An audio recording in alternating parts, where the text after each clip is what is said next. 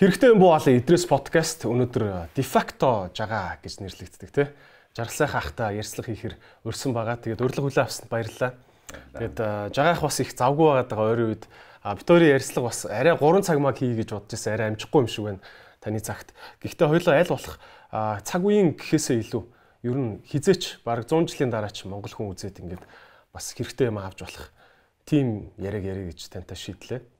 За тэгэхээр хоёул цаг үеийн яриагаа жоохон хасаад. За эхний асуулт. Нэг юм байгаа штэ.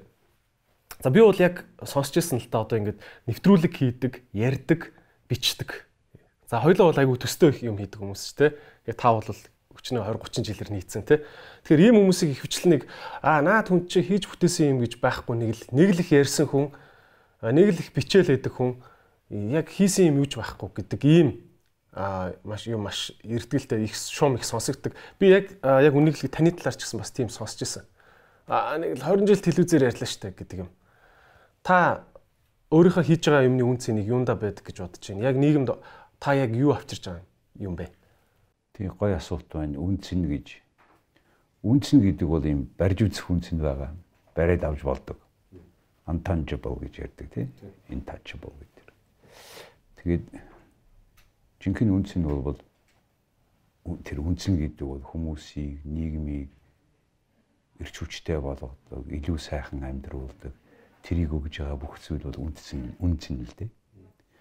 Тэгээ тэр үнц үнц чи янз бүрээр үнэлэгдэн тийм ээ. Зарим нь ердөөсөө priceless буюу үнгүүч гэж. Тийм. Тийм тэгэхээр эдгээр үнцийн дотроос юм бит ба бит бус та бид нар бол бит бус үнцэн дээр ажилладаг хүмүүс сайхан санаа эрч хүч энэ чинь бүгдээрээ үнцэн. Тий Тэгэхдээ яг саяын таны асуултанд бодоод би ер нь бол энэ бүх ярьж хийж байгаа юмыг бичих ёстой гэж. Тэгээд энэ бичгээрээ бичдэг.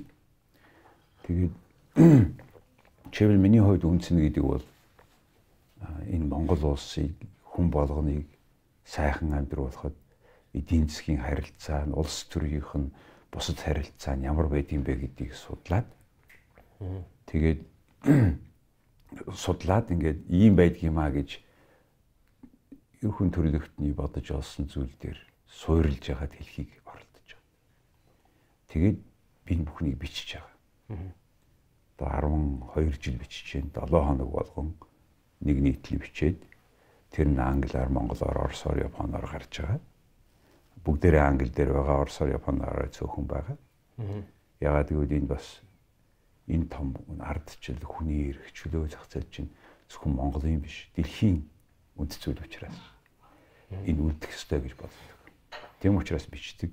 А ер нь та түрүү ярьж интэй тэгээд тэргүй юу хийсэн бэ гэж.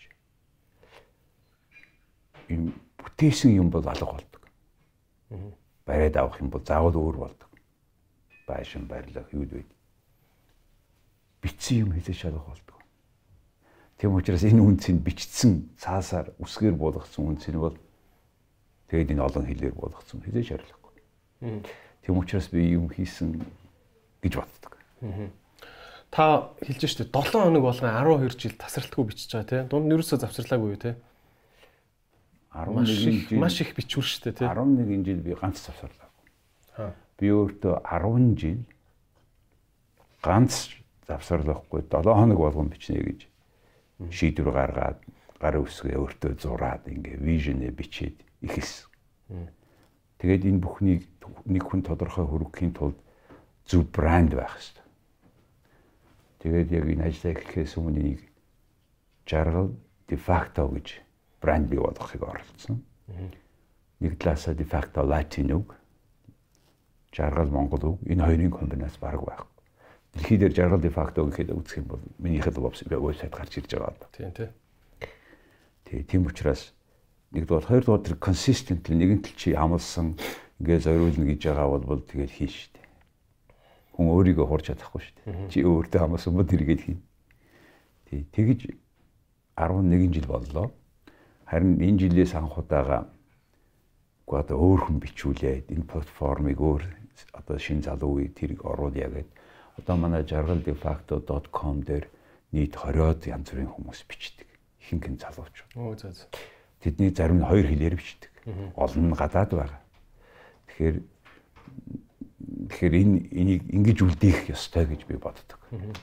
10 жил бичиж जैन. Тэгээ 11 12 жил бичиж гин гэдэг ингээд энэ хооронд таны бичсэн юмнуудаас ингээд иш татах те гадны том медианууд дээр тантай ингэж харьцаж те Монголын талаар үнэн зөв мэдээллийг авах одоо их усэр болгож холбогдсон юмнууд байгаа хамгийн том том жишээнүүд юу вэ? А хоёрт нь таны ер нь энэ бичиж байгаа одоо дефакто гэдэг чинь бол би ойлгохтой бол яг фактийн хувьд үнэн зөв гэсэн утгатай брэнд гэж ойлгоод байна шүү дээ тий. Тэгэхээр та үнэхээр яг дефакто байж чадж гэнэ үү эсвэл одоо таны таны бичвэрт чи хэр итгэж чинь дийлээ. Миний бичсэн бүх юм дефакто. Тоо баримт дээр суурилсан Түүнээс гадна бичсэн бүх зүйл дотор асуудлыг хөндлөхөөс гадна энийг яаж шийдэх вэ гэдэг юм байна. За за. Энэ бол аналитик. Юмд анализ хийнэ гэдэг чинь энэ системийг хараад юу нь болохгүй вэ гэдгийг хэлээд дараа нь яах ёстой вэ гэж хэлэх ёстой. Ер нь энэ хүмүүс нэгэн цаг заваа зарцуулаад таны бүтээсэн агуулгыг уншиж байгаа бол муу энэ муу энэ гэж хэлэхээсээ гадна тэгээ яах вэ гэдгийг хариулах ёстой гэж боддог дэлхийн хэвлэлийн бүх агентлагуудтай энэ хугацаанд ажилласан байна. CNN, CNN-ийн алдартай сэтгүүлч Анна Корен гэдэг эмэгтэй манай нэвтрүүлэгт орж исэн. Reuters байна. Associated Press байна, France. Дараа нь Al Jazeera-тай нэвтрүүлэг хийж исэн. Ингээ эргээ харахад бол үнэхээр хэвлэл мэдээллийн дэлхийн хэрэгслүүдтэй хамтарч ажилласан ийм гоё түүх бий болсон байна. Тэгээд олон нэвтрүүлэгт англи хэл дээр оролцож исэн. Яагаад тэгэхээр Монгол гэдэг улсынхаа энэ энэ газрын зураг дээр энэ зөвхөн уул уурхайн газрын зураг дээр тод байхаас гадна интеллектуальны оюун санааны юм дээр Монгол улс гарч ирэх ёстой. Энэ зам нь том дардан болох ёстой. Энийг шинэ үе энэ хилтэй залуучууд гарч ирээд сайхан хийн гэж боддог тийм их л байгаад их дуртай байна. Ялангуяа одоо би өөрөө чинь ээжтэй чинь хоёр удаа ярилцсан ганцхан хүн байна. А хоёр дахь их бат юм байна. Юу тэгээд анх ээж танаа ээж улс төр рүү орж явах үед нь ярьсан анхныхаа хурд дараагийнх дээр нь орсон. Тэгээд тэр хүн ямар их ирч хүчтэй яг ийм олсыг харсан бодолтой хүн байна гэдгийг харж ийм эмэгтэй хүн Монголын улс төрд байх ёстой гэж дэмждэг. Би саяхан саяын хүүхдлийн хүн ороосоо гэж сонгоод хүртэл дэмжиж ярьж исэн. Тэгээ тэгэхээр энэ энэ хийж байгаа ажил бол түрүү та ярьж юм би ичгээр би де факто 400 гэдэг парти хийсэн, 500 хийсэн. Одоо 600 хийх гэж байгаа. Тэгээд 7 хоногт жилд нэг 57 хоног байдیں۔ 54 тийм. Тэгээд 3 4 7 хоног нь амралт төвтөр таарч Тэгээ ер нь бол жилд 57 хоногийн юм гарч ийн гэсэн үг л дээ. Тэгэхээр 10 жил чинь 500 тийм үү? 11 жил 600. Маш олон дугаар исэн байх тий. Тэгээд энэ бүхэн чинь ганц энэ миний аппликейшн дээр бичээд үлдсэн баг. Аа. 7 хоног болгоно нэмэгдэж байгаа. Яагаад гэвэл та тэр энэ ярьж байгаа яриа энэ агуулгыг унших боломж байгаа. Ямар хэл дээр та уншмаар байна? Аа. Англи, Орос, Хятад, Япон, Солонгос. Энэ боломжийг л байлгах ёстой гэж бодож байгаа мэдээж одоо цаг үе бол энийг өнөөдрийнхаараа бол үнэлэхгүй л дээ. Тэгээ явандаа хүнд хэрэг болно л гэж бодож байна. Тий. Та бичиг хэлж гин юмыг бичиж тавьсан байхад үлддэг гэд. Ер нь за зөвөр миний нэг хувийн ажиглалт шүү. Хараад хахад маш олон ингээд дэлхийд дээр улсууд бүрэлдэн бий болоод задраад үндэстнүүд тарж бутраад эсвэл нийлээд хүчрхэгжээд бусдыгаа уусгаад ингээд дэлхий чинь ингээд мөнхийн дэшээ доошоо савлж штэ тий бид нар одоо ч гэсэн магадгүй ингээд дэлхийн газрын зураг яг ингээд эцсийн байдлаараа энэ энэ гэж дотроо бодож байгаа. Гэхдээ мянган жилийн дараа бас яатсан бах юм блэ мэдэхгүй шүү дээ. Тэгэхээр бас эвгүй. Тэгэхээр э, зүгээр ингээд анзаараад байх нэ ямар үндэстэн маш ингэж хүчтэй эвлэлтэн нийлж хоорондоо хамтарч баялагийг бүтээж чадаад байна гэж харахаар яг юм бичээд тавьсан дундын баримтлах зарчимтай улсууд байгаа байхгүй. Одоо жишээ нь за одоо юу ч үгүй. Аа одоо тэр буруу зөв нь үл хамааран бүх хүн ширээн дээрээ тавиад уншдаг нэг 5 номтой улсал миний бодлоор маш сайн нэгдэж чаддаг юм шиг анзаарэгддэг байхгүй. Тэгээ тэрэнд бичгийн хүч бас байд юм болов уу гэж бодоод байгаа. Тийм ном анхных нь Библи байна. Коран байна тий. Сүүл Буддагийн сургаал байгаа. Тэгээ Буддагийнхаа сургаалыг бид яг монгол хэл дээр нь буулгаад аль болгон уншдаг болоосой гэж яхан бодож байна. Ягаад гэвэл Библийг 15 дугаар зуунд анх удаага латин хэл дээр байсан юмыг герман одоо энэ бүх европын хэл рүү орчуулад тэгээд нөгөө хөвөлдөг машин гарсан шүү дээ. Тэгсэн. Тэрнээс болоод соёнгийн гэрүүлэх асар том үйл ажиллагаа дэлхийд даяар Европод сэргэн мандалт эхэлсэн. Аа тэгэхээр яг тэр юм шиг Коран болохоор өөр араб хэл дээр байгаа. Энэ араб араб хэлтэй хүмүүсийн исламын шашин гэдэг дараа нэг орчуулаад орчуулаад явчлаа шүү дээ. Индонез руу ч юм уу тий Малайз руу. Тэр юм шиг бурхны шашны сургаал нь Монгол хүнд яг ийм бодитойгоор буух Европын 15 дугаар зуун шиг цаг үе Монголд ирээгүй байна. Ирэх байх гэж найдаж байна. Ягаад гэвэл өнөөдөр манай лам бурхны шашны хүмүүс чинь дандаа төвд хэлээр яриад төвд хэлээр ном уншиж өгөөд шүү Тэрийг нь ойлгож байгаа хүн байхгүй дуугийн сонсоол ингэ сууж шít. Тэгэхээр миний бодлоор энэ бурхны шашны сургаалыг монгол хэл дээр буулгаад таны хэлснээр хүн болгон уншдаг болсон цагт манай улсын дотоодын ертөнц, хувь хүмүүсийн дотоодын ертөнц ийм ингэ тунх сайхан болно гэж бодож байна. Аа манай гадаад ертөнц уу сайхан болж байгаа л да. Би Далай ламтай ярилцлага хийсэн тэгэд тэгж хэлсэн лээ. За монголчууд гадаад ертөнцид ч гайгүй болж байгаа. Эдийн засаг яг хөө дээш доошоо явж л байгаа. Гэтэ одоо дотоод ертөнц сэтгэлдээ тайван болчих юм бол монголч нь аз жаргалын орн болно гэж хэлж байгаа байхгүй тэр хүн. Тийм. Тэгэхээр бид нар энэ дотоод сэтгэлээ амар амгалан байлгах, хүнийг хайрлах, бусдыгаа хүндлэх өөр үзэл бодол байх ёстой. Тэр хэвийн үзэгдэл. Та бүхэн шал өөр үзэл бодолтой байж болно. Гэтэ та бүхэн хувь хүнийхээ хажууд а хоёр хүний хувьд хоёр одоо Монгол хүний хувьд биеийнхээ орон зай эрхчлөлийг хүндлэх ёстой байхгүй. Жишээл таныг наад чи болгоо би дайраад байвал наацх нь болохгүй хэрэг шүү. Тэгэхээр ийм шин сэтгэлгээний ертөнц руу Монгол улс орох гээл байгаа. Одоо өдрөөс өдөрт бид ингээд өөр үзэл байдал байж болно. Тэг тэр тэр шин дайсан гэсэн үг биш. Энэ процесс явагдаж байна гэж харж байна. Идрээс подкастын өнөөдрийн спонсороор Beko брэнд ажиллаж байна. Beko брэнд маш олон төрлийн цахилгаан бараг үйлдвэрлэлийг та бүхэн мэднэ. За тэгээд улсын их дэлгүүрийн дөрөв давхарт одоо цар тахлын одоо хөл хорой тавигдсан байгаа. Тийм учраас нормалны үйл ажиллагаагаа явуулж байгаа шүү. Та бүхэн зочлоод Номи Electronics-ийн улсын их дэлгүүрийн дөрөв давхрын дэлгүүрээр зочлоод брендийн бүтээгдэхүүнүүдэд танилцаараа. За Beko брендийн угаалгын машиныг онцлон танилцуулж байна. Steam Cure гэдэг технологитой ийм цоошин төрлийн угаалгын машин байгаа. Энэ нь яадаг вэ гэхээр угаах процессын хамгийн сүүлд нь гоё уураар таны хувцсыг гой зөөлрүүлдэг, өнгийн сэргээдэг мөн угаалгын одоо чанарыг илүү дээшлүүлж толбыг амархан алга болгодог ийм төрлийн технологи байгаа. Тэгэхээр Beko брэнд нь дэлхийд даяар 400 гаруй сая үнэнч хэрэглэгч нартай одоо англи улсад борлуулалтаараа номер 1-т явж байгаа ийм мундаг брэнд байгаамаа. Тэгээд ороод танилцаарай. Нэмж хэлэхэд Steam Cure гэдэг энэхүү технологи нь англи улсын харшлын эсрэг нийгэмлэгээс баталгаажсан ийм технологи байгаа юм байна. Мөн ням бактерийг 99% устгадгаараа онцлогтой. Beko брендинг албан ёсны борлуулагч Номин Electronics Идрээс подкастын спонсор Цэник бүтээгдэхүүнийг танилцуулж байна. Monos хувьцаат компани Vitos брендийн бүтээгдэхүүн байгаа. Тэгээд ангаах ухааны супер ургамлуудын нэг уламжлалт хунчир гэдэг энэ ургамлыг иймхүү гоё дэвшлэлт бүтээгдэхүүн болгосон байгаамаа. Тэгээд инновац шингэсэн энэ бүтээгдэхүүн нь та өдөр тутамдаа ууж болно, хүүтэн бүлээсгээ дууж болно. Мөн эмчийн заавраар 30 хоногоор курс болгоод ууж болно. За хунчир гэдэг энэ ургамал нь яадаг вэ гэхээр хүний эсийн төвшөнд бодисын солилцоог маш сайн хурцсагдаг а ингэснээрээ хүний дархлаа сайжирдаг, ирч хүчтэй болдог, ядаргаа тайлагддаг ийм бүтээгдэхүүн байгаа.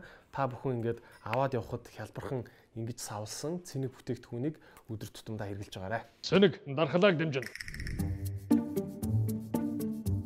Идрээс подкастын дэмжигч Lotus Tan рестораныг та бүхэн танилцуулж байна. Хүүхдийн ордны яг чанга харт байдаг өндөр цагаан Central Park гэдэг цамхгийн 5 6 давхарт байдаг. Маш олон гоё тоглог олон төрлийн хэмжээтэй VIP өрөөнүүдтэй том заалтай а хятад хоол гардаг, хотбот гардаг ийм гоё ресторан байгаа. Тэгээд хоол нь маш амттай.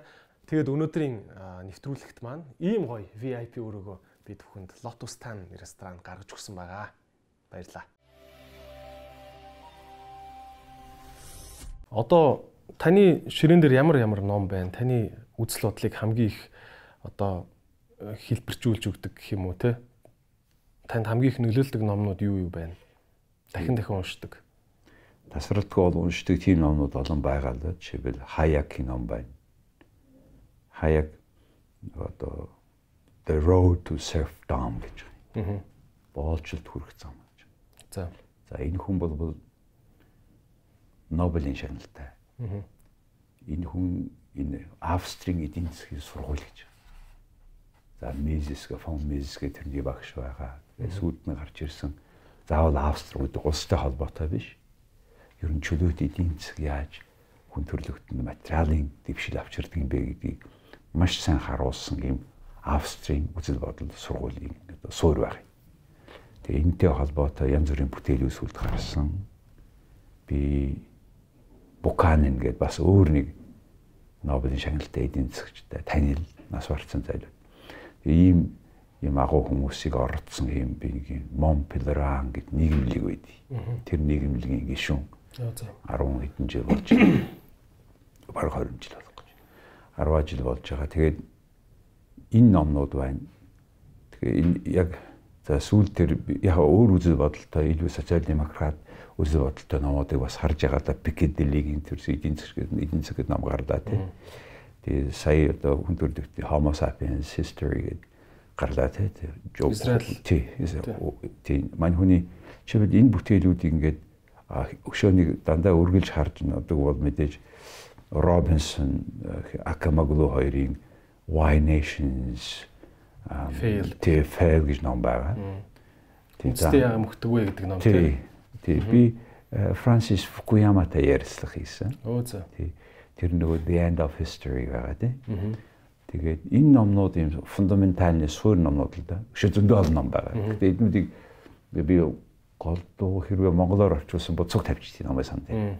Олон зуун ном байгаа л да. Тэгээд ийм гол гол үзэл бодолд нөлөөлсөн номнуудаа нэг тусгай полконд байдгийг. Тийм хүн төрөлхтний үзэл бодлыг ер нь нэг жоохон ч гэсэн ингээд залж нэг ингэж грацийг нь өөрчилдөг нэг хитгэн ном байдаг шүү дээ тий. Чүд чүд өөрчилдөг. Өө тэрийг чинь тэр номнуудаас би тухайд бас Маркс, Энгельс энэ номнуудыг чи бүтээр нь уншлаа шүү дээ. Би Москвагийн улсын сургуулийг төгссөн улс төрийн эдийн засгийн ангаар.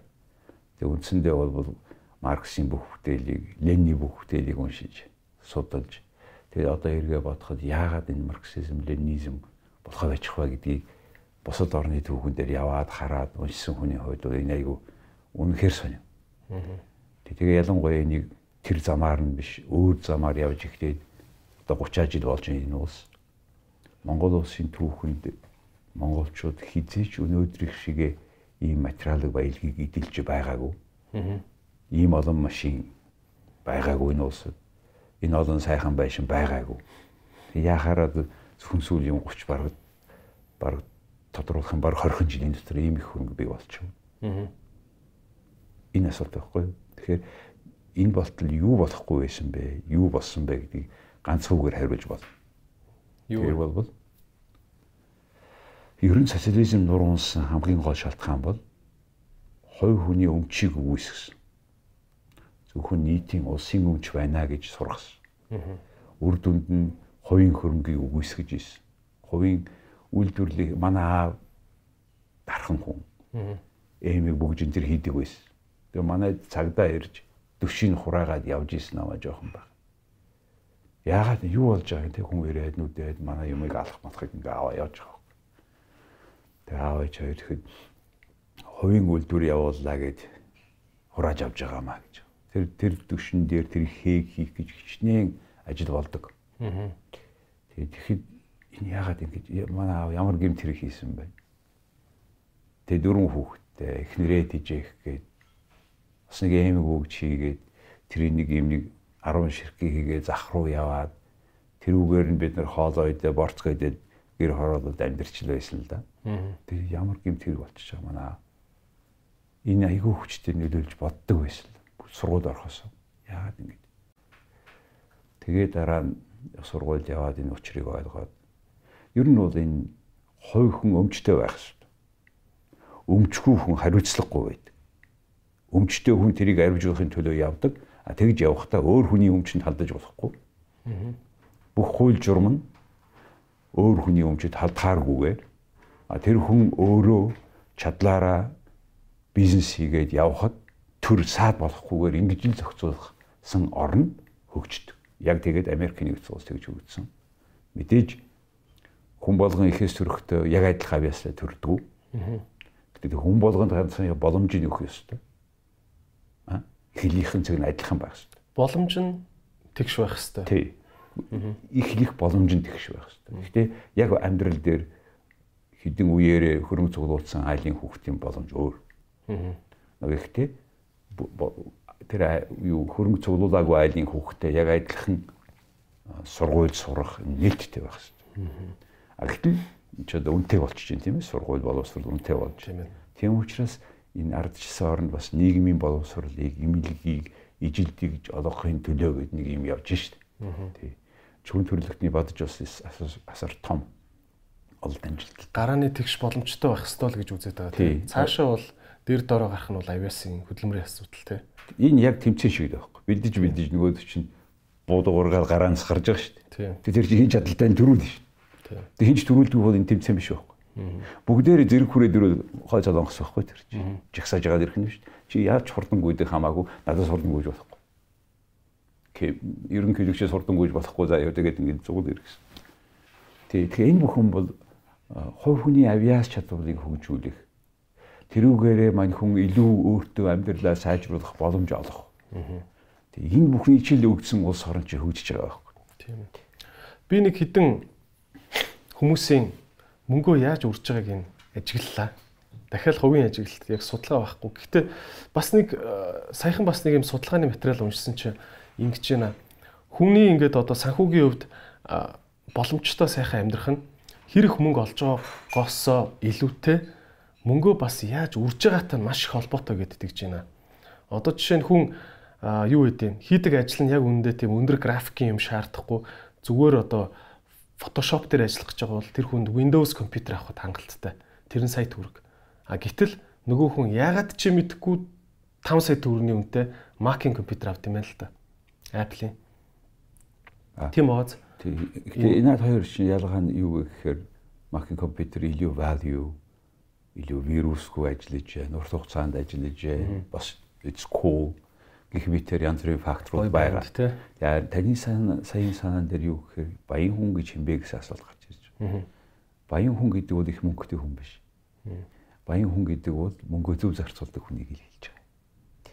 Нэгдүгээр, хоёрдугаар яг сая таны хэлсэн дээр хамгийн тод жишээ биш ч гэсэн их олон юмн дээр материалын баялаг их бий болоод эхлэхээр хүмүүс өөрийнхөө яг хэрэгцээ шунал хоёрынхон дунд байгаа нарийнхаа утсыг анзаарахгүй байна.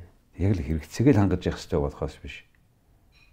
Ямар ч хэрэггүй юм аваад байвал шунал болчих ш тийм. Тэгээ ялангуяа энэ хэсэг нь бол энэ муу хүмүүжлтэй муу ч байх одоо ийм тодорхой биш хүмүүжлтэй ийм хүмүүс нэгэ энэ өөрийгөө илэрхийлэх хэрэгсэл болоод шүү дээ. Гайхуулах гэдэг шүү дээ чинь тийм. Тэгэхээр юугаараа гайхуулах гэдэг бас нэг асуудал тийм ээ. Тэр чинь. Тэгвэл дутуугийн комплекс гэж яриад байгаа тийм. Дутууга дутуу мэдрэмжээ дүүргэхийн төлөө давуулч мөнгөө өрдөг тийм. Зүг. Тийм. Ер нь бол хүн болгонд байдаг. Жишээлбэл хүүхэд шин тоглоомоо хуваалцдаг. Хуучин тоглоомоо хуучин тоглоомоор нь өөр хүүхд тоглож яхад окей.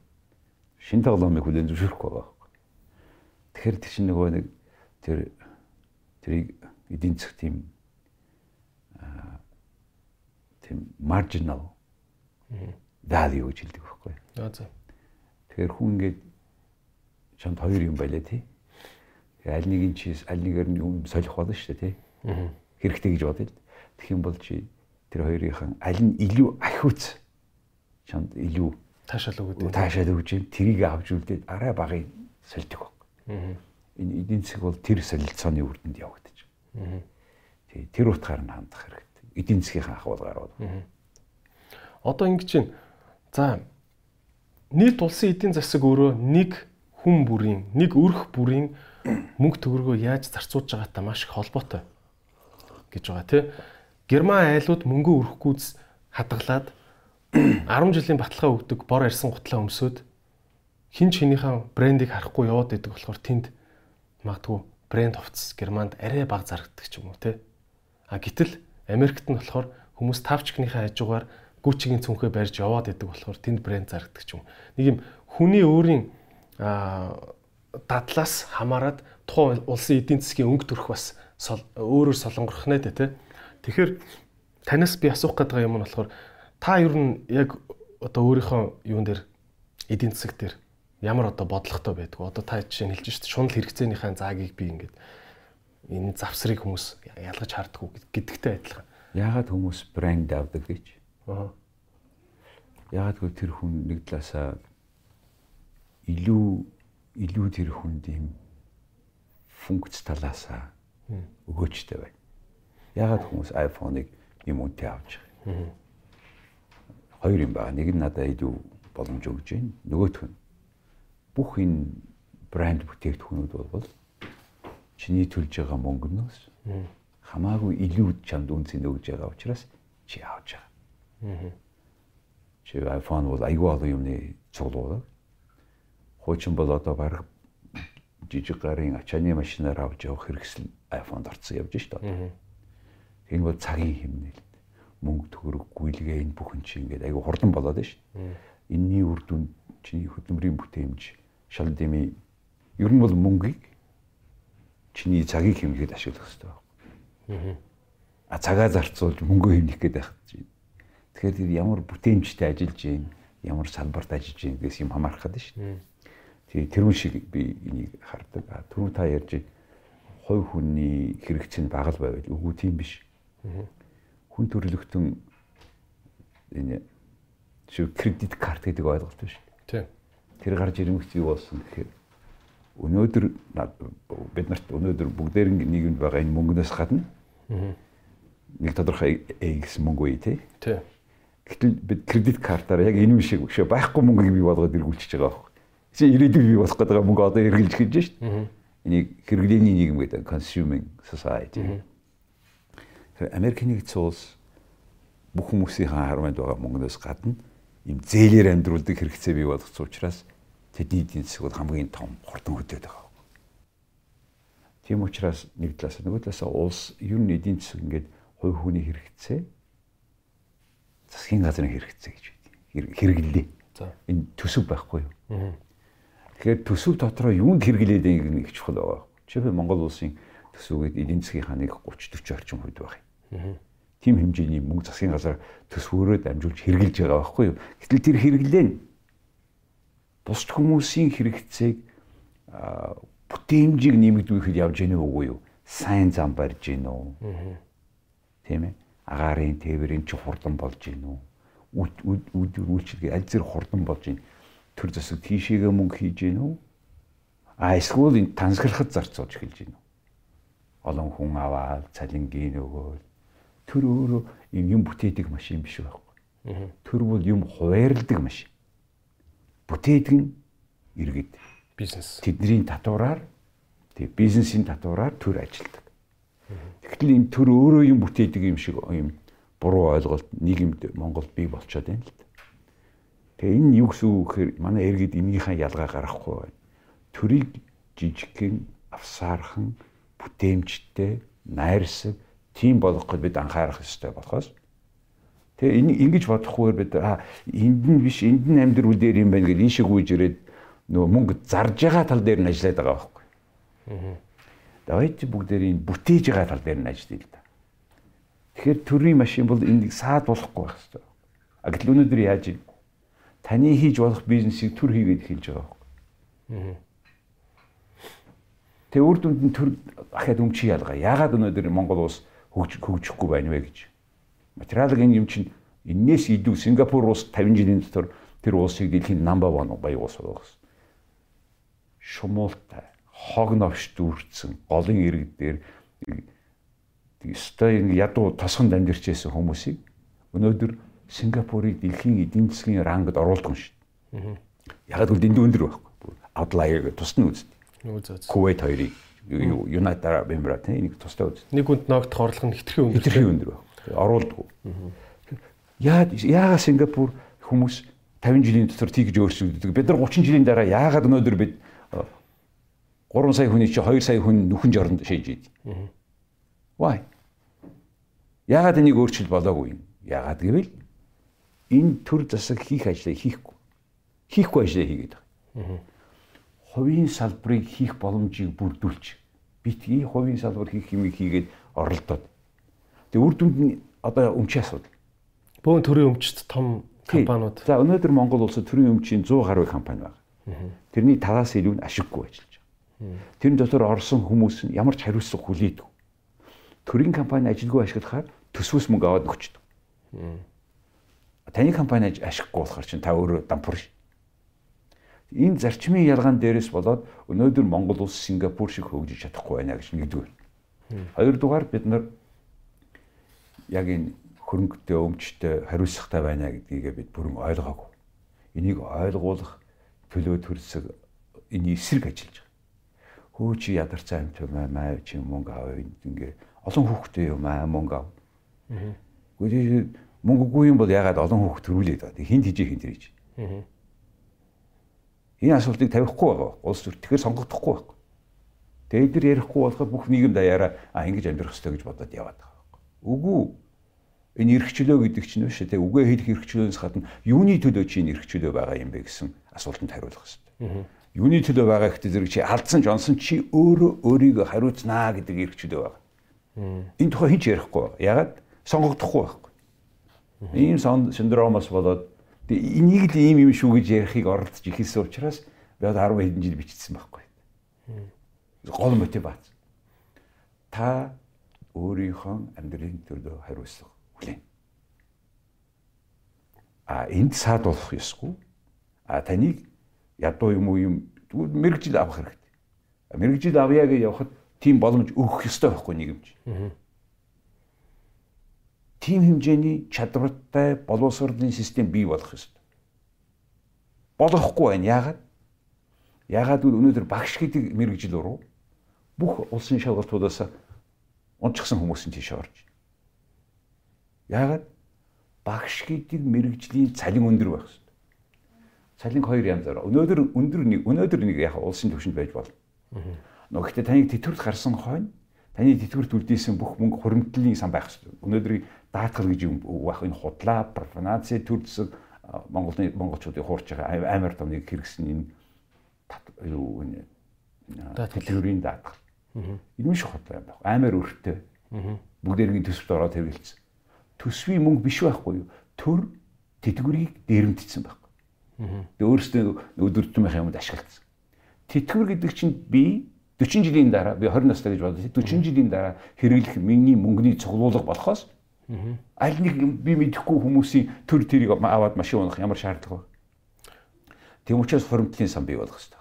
Тэр мөнгө хуримтлаад хуримтлагдаад төсөв рүү орохгүйгээр юутай ч холдохгүйгээр тусдаа байх хэрэгтэй. Тусдаа арвижчих хэрэгтэй тий. Тий. Тэгээд тэрүүний багш биш үү тий. Багшийн багшийг совлогчийг, эмчийг төрийн байгуулгын тий. Тэтгэврт гарах үеэр нэг цугласан мөнгө шүү тий. Тэрийн төр хоёр дахин нэмээд өгч хэрэг. Тэгээд дараа герман хүн настай болоод тэтгэврт гарахтаа жинхэнэ баян хүн болчдөг. Гів гинтгэл Испанд очиод хаус авдаг та герман өвөнөр тий. Бид тэр мөнгө гарч ивэл Эмээ хоёрны Испанич хаус авч байгаа юм чинь тий. Таны хэлсэн. Тэгэхээр Сингапур бас тийм. Тэгээ энэ хоёрыг хийсэн учраас улс нь баян байгаа байхгүй. Why? Ягаад гэвэл би тэтгэврт гармагцаа баяжин гэдгийг мэдчихэж байгаа. Тэгэхээр одоо байгаа ажлаа сайн хийн, том мөнгө авах тусам тэнд том бий болно. Энийг хийхгүй байгаа учраас энэ улс хөгжихгүй байгаа маа. Энэ нэгдүгээр төлхөр ердөөсөө л энэ. Хоримтлын сантай болох юм. Энийг одоо бас нэг залуу хүн их хурлын гишүүд тэр ашгүй нэг юм ойлгоод хууль мөл гаргаа явж байгаа юм. Гаргуулахгүй л дээ. Ягаад гэвэл тэр чинь улсын төсвөөс томоохон хэсгийн тусна хадгалах гэдэг шүү. Гаргуулчаасаа тэгтээ. Энэ 4 жилийн настай хүмүүс тийм юм бодохгүй шүү. Хэд 40 жил, юу 40 жил, 4 жилийн дотороо би авч явъя гэж бодож сууж шүү. Ер нь манай улсын хөгжлийг саад болж байгаа хамгийн том зүйл нь шүү дээ. Тэгээд тэр багшаа эмчээ өнөөдөр цалин багч гэсэн дараа нь баталгаадаг юмс тийшээгээ авиас цууж эхлэх байхгүй. Тийм ээ. Авиас авиасаа төрүүлдэг. Аа. Авьяасгүй хүн авьяас төрүүл. Хоёр унтж байгаа хүн бие бинийгээ сэрэж чадахгүй. Нэг нь сэрж нөгөөдгөө сэр. Их хилж сэрэх ёстой ш. Ийм дотоод боломжоо бид ашиглахгүй байгаа маа л гэж харж байгаа учраас би бичиж яриад байгаа. Окей. Идрээс подкастын өнөөдрийн спонсороор Beko брэнд ажиллаж байна. Beko брэнд маш олон төрлийн цахилгаан бараг үйлдвэрлэлийг та бүхэн мэднэ. За тэгээд улсын их дэлгүүрийн дөрөв давхарт одоо цар тахлын одоо хөл хорой тавигдсан байгаа. Тийм учраас нормалны үйл ажиллагаагаа явуулж байгаа шүү. Та бүхэн зочлоод Номи Electronics-ийн улсын их дэлгүүрийн дөрөв давхрын дэлгүүрээр зочлоод брендийн бүтээгдэхүүнүүдэд танилцаараа. За Beko брендийн угаалгын машиныг онцлон танилцуулж байна. Steam Cure гэдэг технологитой ийм цоошин төрлийн угаалгын машин байгаа. Энэ нь яадаг вэ гэхээр угаах процессын хамгийн сүүлд нь гоё уураар таны хувцсыг гой зөөлрүүлдэг, өнгийн сэргээдэг мөн угаалгын одоо чанарыг илүү дээшлүүлж толбыг амархан алга болгодог ийм төрлийн технологи байгаа. Тэгэхээр Beko брэнд нь дэлхийд даяар 400 гаруй сая үнэнч хэрэглэгч нартай одоо англи улсад борлуулалтаараа номер 1-т явж байгаа ийм мундаг брэнд байгаамаа. Тэгээд ороод танилцаарай. Нэмж хэлэхэд Steam Cure гэдэг энэхүү технологи нь англи улсын харшлын эсрэг нийгэмлэгээс баталгаажсан ийм технологи байгаа юм байна. Мөн ням бактерийг 99% устгагдгаараа онцлогтой. Идрээс подкастын спонсор Цэник бүтээгдэхүүнийг танилцуулж байна. Monos хувьцаат компани Vitos брендийн бүтээгдэхүүн байгаа. Тэгээд ангаах ухааны супер ургамлуудын нэг уламжлалт хунчир гэдэг энэ ургамлыг иймхүү гоё дэвшлэлт бүтээгдэхүүн болгосон байгаамаа. Тэгээд инновац шингэсэн энэ бүтээгдэхүүн нь та өдөр тутамдаа ууж болно, хүүтэн бүлээсгээд ууж болно. А мөн эмчийн заавраар 30 хоногоор курс болгоод ууж болно. За хунчир гэдэг энэ ургамал нь яадаг вэ гэхээр хүнийг эсийн төвшөнд бодисын солилцоог маш сайн хурцсагдаг а ингэснээрээ хүний дархлаа сайжирдаг, ирч хүчтэй болдог, ядаргаа тайлагддаг ийм бүтээгдэхүүн байгаа. Та бүхэн ингээд аваад явхад хялбархан ингэж савлсан цэник бүтээгдэхүүнийг өдөр тутамдаа хэрэгжилж байгаарай. Идрээс подкастын дэмжигч Lotus Tan рестораныг та бүхэн танилцуулж байна. Хүүхдийн ордны яг чанх арт байдаг өндөр цагаан Central Park гэдэг цамхгийн 5 6 давхурт байдаг. Маш олон гоё тоглог олон төрлийн хэмжээтэй VIP өрөөнүүдтэй том заалтай а хятад хоол гардаг, хотбот гардаг ийм гоё ресторан байгаа. Тэгээд хоол нь маш амттай. Тэгээд өнөөдрийн нэвтрүүлэгт маань ийм гоё VIP өрөөгөө бид бүхэнд Lotus Tan ресторан гаргаж өгсөн байгаа. Баярлалаа. За нэг ийм ойлголт байгаа эдийн засаг, улсын эдийн засаг хүм болгон ер нь иргэн бүр оролцоотой байх хэрэгтэй гэдэг үг аюу их сонсогддог те. Сүүлийн одоо ёстой нөгөө намайг төрснөөс хойш сонсогдсон үг те. Иргэний оролцоо, иргэн бүр оролцож, иргэн бүр төрдөө хяналт 50 нэнтер гэдэг үг амар их сонсогддог. Гэхдээ би одоо ингэж бодохоор төрийнхөө эдийн засгийн одоо тэр сангийн яамд би одоо яаж хяналт авах юм бэ? Тийм үстэй. Тэр олон сан, тэр олон тендер, тэр олон татврын зохицуулт мэдгүй. Одоо хамгийн энгийнээр ярил. Иргэн яаж эдийн засгийнхаа одоо энэ улсынхаа мөнгийг иргэн яаж мөн энэ одоо улс төрийн хяналт гэх юм уу? Энэ төрийг чи хянах хэвээр хамгийн энгийнээр за одоо та энэ камерны залууд ингэж хэлэлтэй те манай залууд. 20 хэдтэй билээ зүгээр л 22 та залуутай хаанаас яаж хийвэл зүгээр л одоо бид нар орон нутгийн сонгуул гэж ярьдаг хотын улсын гэдэг тэгэхээр одоо нэгдүгээр өөрийнхөө дүүргийн сонгосон иргэдийн төлөөлөгчдийн хурал гэж байгаа тийм. Тэднэрээс очиод манай иргэдийн манай энэ дүүргийн төсөв хэд вэ? Айныг юу зарцуулж тайлангаа өгч гэж хэлэх хэрэгтэй байна. Энэ чинь оролцсон. Тэгмч зүгээр их зөндөө юм харж байгаа. Пөх энэ яагаад ийшгээ яваад байгаа юм? Энэ яагаад ийм өндөр салентай байгаа юм? Та одоо чивэл одоо таны ээж юу хийдэг, аав чи юу хийдэг? Тэр хүн юу хийж байгаа? Яагаад энэ цалинтай байгаа гэж асуу. Инээс л эхэлж байгаа.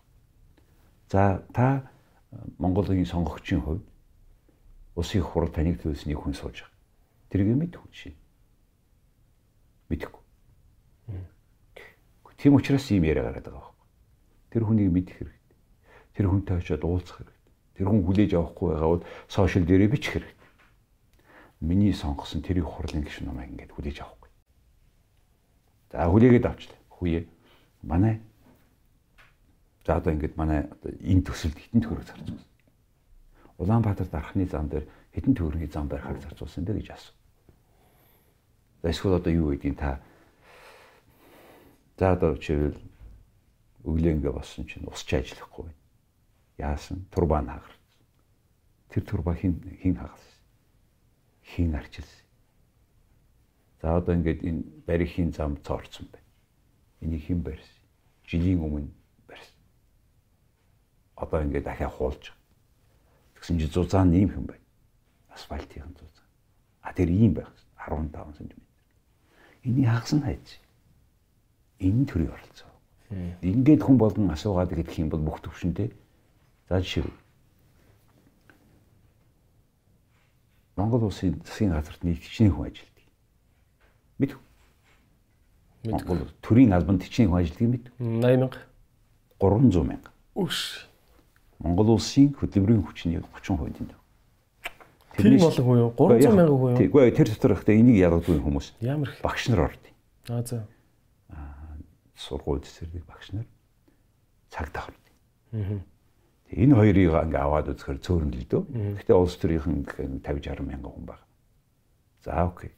Өвчин бол нэг 5000 хүний хийчих ажлын гэв үстэй. Ер нь одоо энэ Эстон, Финлянд энэ төр гээд манайхтай адилхан дуу 3 сая хүнтэй нутагт 20 сайд байх ямар ч алба байхгүй. 20 яамтай. Яам болгон сайдтай орлого сайд төрийн нэрийн бичгэнд байна. Дид сайд гэдэг ямар ч хэрэггүй албан тушаалыг улс төр өгөхийн тулд санхүүжүүлсэн хүндээ ажил олгохын тулд дэд сайдд оронтой бий болгож байгаа. Тэгэхээр энэ бүхний ингээ эргээд задлаа ярихаар энэ улс төрийн намуудын мөнгө хаанаас гардаг юм бэ гэсэн асуулт. Чи би төрийн өмчийн компани гэж яриад шүү дээ. Монголд яг де факто төрийн өмчийн компани байхгүй. Диюрэ байгаа. Харахад төрийн өмчийн компани. Гэтэ яг үнэ хэрэгтэй улс төрийн намын өмчийн компани байна Та нар анзаарсан бол нам солигдоод, төр солигдоод төрийн өмчийн компани бүх захирлуудыг сольдог. Өөрийнхөө намын хүнийг тавь.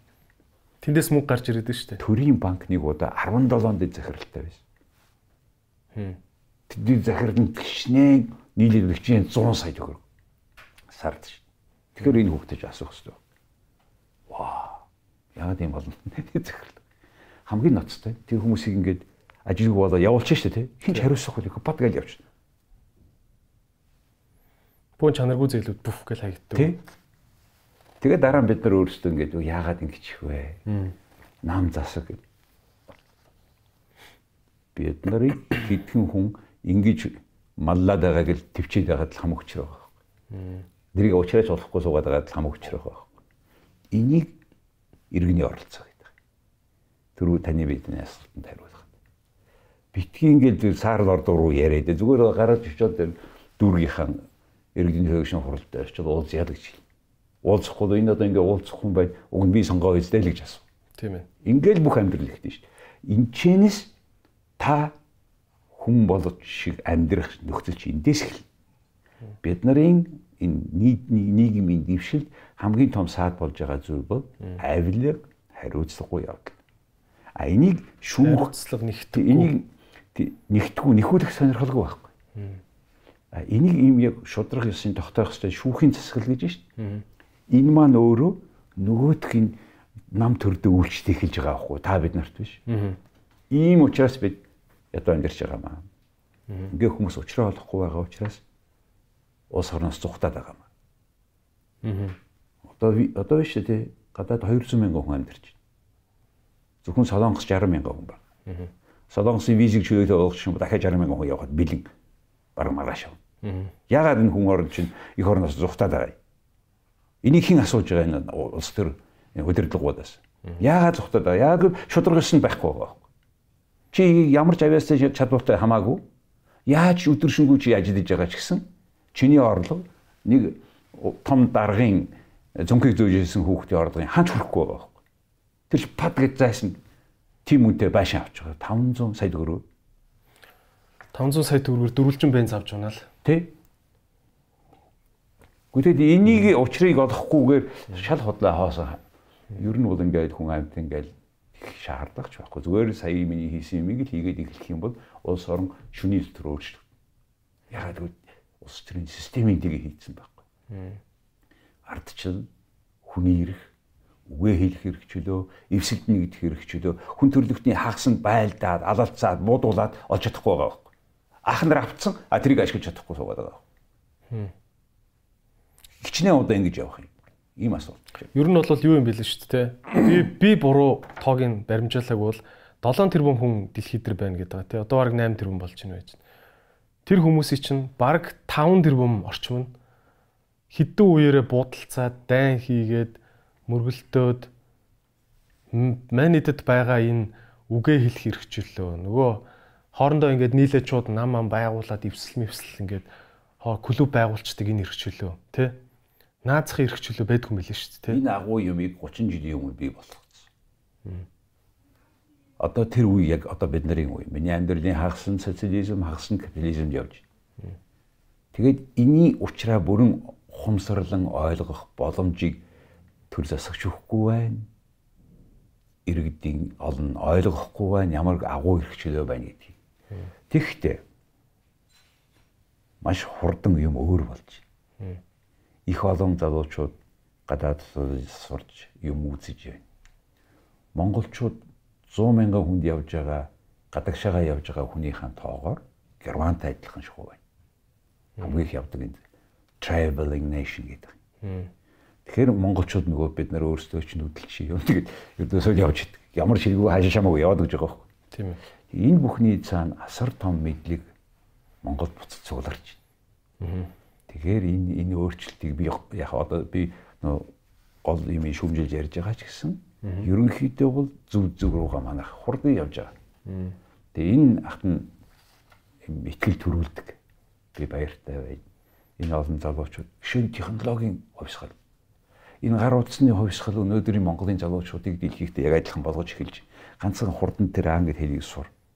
Сайхан амьдрыг бол англи хэлийг сур. Өөр ямар ч сонголт байхгүй. Тий. Англи хэл сураагүй бол дэлхийн тэр мэдлэг соёл тэрий чинь би 18 настай байхдаа нэг ойлгосон. 20 настай байхдаа би ярьж хэлсэн. Өөр сонголт байхгүй гэдгийг би яг өөрийнхөө амьдрал дээр Оросд Ташкентд бэлтгэлд очиод шууд ойлгосон. Гаднаас ирсэн 50 60 орноос залуучууд хоорондоо яриад байгаа байхгүй. Мань хинтэн жирж чадахгүй байх. Тэд нэр орос хэл мэдэхгүй байдаар нэг жоох орос хэл. Юу болж ийна л гэж бодож байсан шүү дээ би. Энэ одоо юу болж ийна хөө? Яагаад тэд нар хоорондоо яриад байна? Би яагаад ярьж чадахгүй байна? Яг тэгэж бод. Өнөөдөр юу болж ийна гэж бүгдээрээ монголчууд бод. Тэрний дараа бид Сингапур болно. Сингапурыг ийм болгосон нэг зарчим нь Ли Кван юу гэдэг удирдагч нь өөрөө Лидсиг сургууль Кембрижийг төгсөөд буцаж ирээд ийм хууль гаргаж ирсэн шүү. За манай Сингапурын энэ асуудлын хууль юм байна. Хэрвээ энэ хууль ажиллахгүй бол яг Английн яг энэ хуулийг баримтлана гэсэн тийм залттай гарыг хийдсэн баг. Манайх өнөөдөр хуулинд олон улсын дөрвөн журмыг гэрээ илүү баримтлана гэж хийдэг шүү дээ тий одоо. Тэгэхэд Сингапур хуулиа тэгж хийжсэн баг. Үр дүнд нь юу яасан гэж? Сингапур парламентаа хэмээнсэн баг. Авцаарсан хийсэн. Английн парламентыг Сингапурын төлөө ажиллуулсан баг. So be smart. Бид нар 3 сая гэсэн англи хэлтэй явах бид нар 30 сая, 300 сая байхгүй. Ийм баялагтай. Тэгээ уучраа олохгүй ингээ явж байгаа хооронд хил сур, хулгайгаа зогсоо, авилгатай хүмүүс тас тэмцэн, шударга ёсыг тогтоо.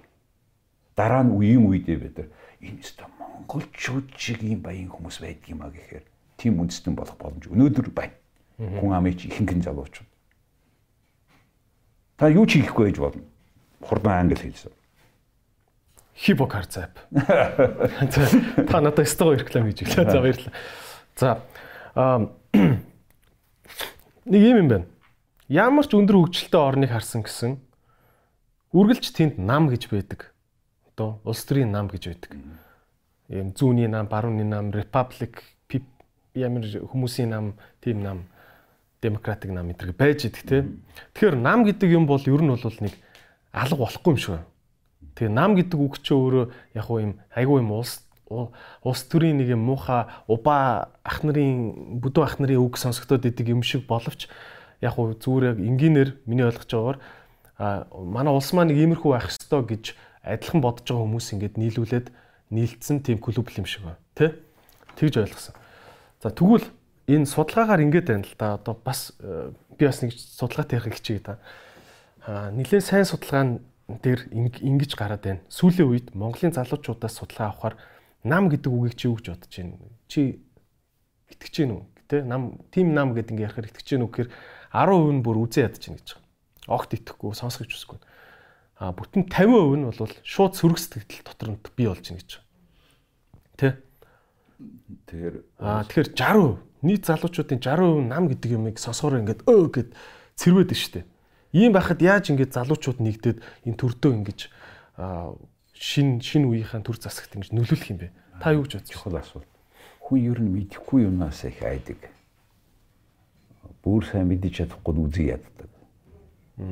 Тий, тэгэхээр нам гэдэг ойлголтыг ярих хэрэгтэй. Хүн төрлөختөн бий болоод ямар төрийн хэрэгцээ гарсан бэ гэвэл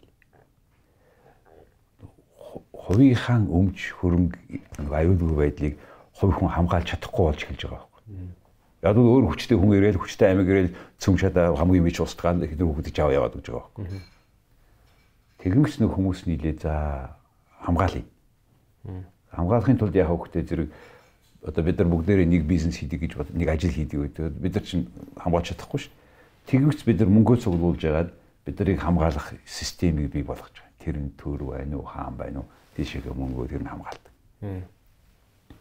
Тэгэхээр ийм төр иргэд гэсэн харилцаа бол мөнгө юм. Яг би өөрийнхөө хөрөнгийг өөрөө хамгаалж чадахгүй амнаас эхнэр хүүхэд. Тэгэхээр энэ хамгаалдаг энэ систем төрийн хамгаалтын функцэд чинь байхгүй.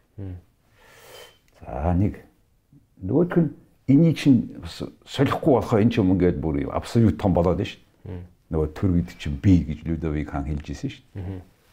Тэгэхээр энэ хүний чинь солихгүй одоо нэг хаанд өгчгөр зэрэг чинь юу дуртайгаа хийгээд эхэллээ шүү. Тий, тэгмэгц энэ хаан засаглалыг солих гэж яахав гэдэг асуудал гарч ирээд тэгээ хэсэг бүлэг хүмүүс нийлж ягаад тэгээ сольсон байхгүй. Тэгэхээр улс төрийн нам гэдэг бол хин хүмүүс байгаа цагт байх ёстой систем. Яагаад? Яагаад гэвэл энийг сольж болдог машин хийхийн тулд хүмүүс үзэл бодлороо нэгдсэн хэсэг бүлгүүд байх ёстой ш. Энийг улс төрийн нам гэдэг. Тийг хүн төрөлхтөн бодож олсныхаа дараа нөгөө энэ хаан шиг үүргийг хамгийн сонгуул авсан хүн хэрэгжүүлж да. Тэгмээс энэ болохгүй нэ гэвч энийг солихын тулд бид нар сонгуулаар энийг навэж гаргаж тавиад байгаа байхгүй. So тийм учраас намын агуулга гэдэг бол хизээ шалга болохгүй. Нэгдүгээр. Ямар нам бай гэдэг өөр асуудал. Тэгэхээр хүн төрлөختөн бол ингээл янз бүрийн юм бодож олсон байна. Феодализм гэж боллоо, капитализм гэж боллоо, социализм гэж үзлээ. Ингээл бүх юм ингээ яваад исэн чинь улс төрийнхэн системийн хувьд хамгийн одоо ажиллаж болж байгаа юм нь бол ардчилсан систем. Хамгийн сайн систем биш. Черчилл хэлсэн тий. Гэхдээ өөр юм бодож олоогүй байхгүй юу? За нэгдүгээр аксиома буюу батгаагүйгээр хуулийг хэрэглэх үнэтэй аксиом. Хоёрдугаар үнэ.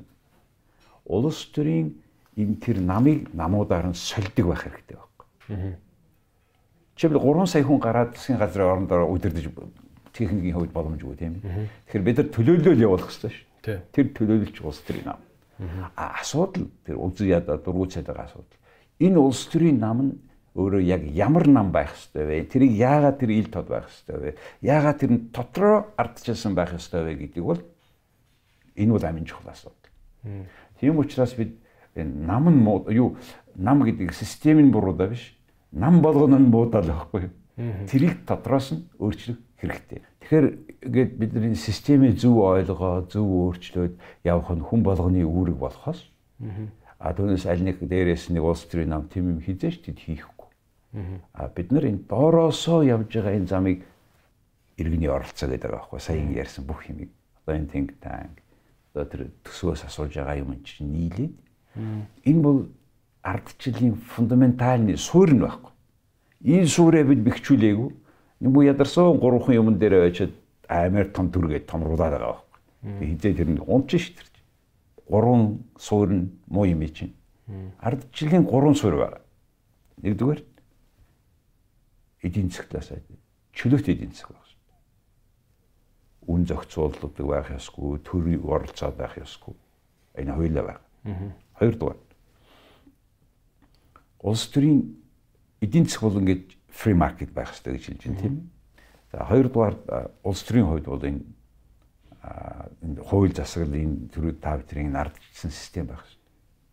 Энэ бүхэн гурвуулаа зөв ажиллахын тулд rule of law буюу энэ хуулийн засаглал гэдэг юм байх хэрэгтэй. Шударга ёсон тогтох ёстой. Хүмүүс аль нэг хүний настроены үзэл бодоор биш. Хүмүүс бол хууль журмынхаа дагуу амьдрах хэрэгтэй. Тэг энэ гурвч нь гурвуулаа их сул байна. Тэг гурвуулаа юм нэг жижигхэн гурван юм дээр амар том юм төргсөн энэ тоон нэмэгдээл байгаа байхгүй. Ийм нөхцөл байдалд өнөөдөр 2021 онд Монгол улс байна. Энийг би ахаад нэг 20 жилийн дотор өөр болно гэж бодож байна. Энэ суурууд нь бэлчих байх гэж бодож байна. Тэгээ энэ дараагийн үе болохоор зэрэг илүү том орон шиг, ардчилсан орон шиг амьдрах боломж гарна гэж бодож байна. Нийгмийн бүх хүмүүс оролцох хэрэгтэй. Эмэгтэйчүүд, залуучууд яаж орж? Өнөөдөр яагаад Монгол улсын бүх үйл ажиллагааны ихэнхийн эмэгтэйчүүд хийж байгаа. Бүх доод түвшинтэй, дунд түвшинтэй. А дээр очиж хідэн эмэгтэй байх. Яг шийдвэр гаргадаг. Зүгээр квот өгөөд нэг хэдэн хүн харуулах та биш. Яагаад тийм байгаа юм? Эмэгтэй хүн эрэгтэй хүнээс бүх юмараа илүүлэхээс биш дутуу биш. Ухаантай, авилганд оролцох. Аль зэрэг удаа явах юм. Хайн Скандинавын орнуудыг хараач Дандаа эмэгтэй ерөнхийлөгчтэй ерөнхий сайтай болчлоо. Ихэнх нь эмэгтэйчүүд байна. Финляндийн сайдууд нь бүгд эмэгтэй багшгүй лээ тий. Ерөнхий сайд нь 34 настай хүүхэн. Кабинетийн ихэнх нь эмэгтэй хүн тавьж байна. Тийм ээ. Тэгэхээр судалгаа байт юм билээ тий. Эмэгтэй хүн улс төрийн өндөр албан тушаалд очихоор авилгалт өртөх магадлал нь баг ирчүүдээс баг хамаагүй ба. Баг нугарсан баг байт юм билээ. Тэгээд залуучууд. Аа. Энэ залуу үеийн гарч ирж ээж. Тэр туршлагагүйтэй биш. Аа мэдээж туршлагагүй. Гэхдээ тэр шинд орох нь авчиж байгаа. Тийм. Тэднийг төлөөлж байгаа байхгүй. Жишээ одоо энэ залуу шиг хүн энэ засаглалд байгаа бол тэрийг мань хүн илүү сонсч. Аа би болохоор аавынх нь үеийн хүн ярьж байгаа болохоор эдний үеийнх юм байдаг гэж бодчих. Тийм ээ. Улс төрийн намуудын санхүүжилт нь ил тод болоогүй цагт авилга дуусахгүй. Авилга дуусахгүй цагт бид бүгдээрээ ингэж амьдрна.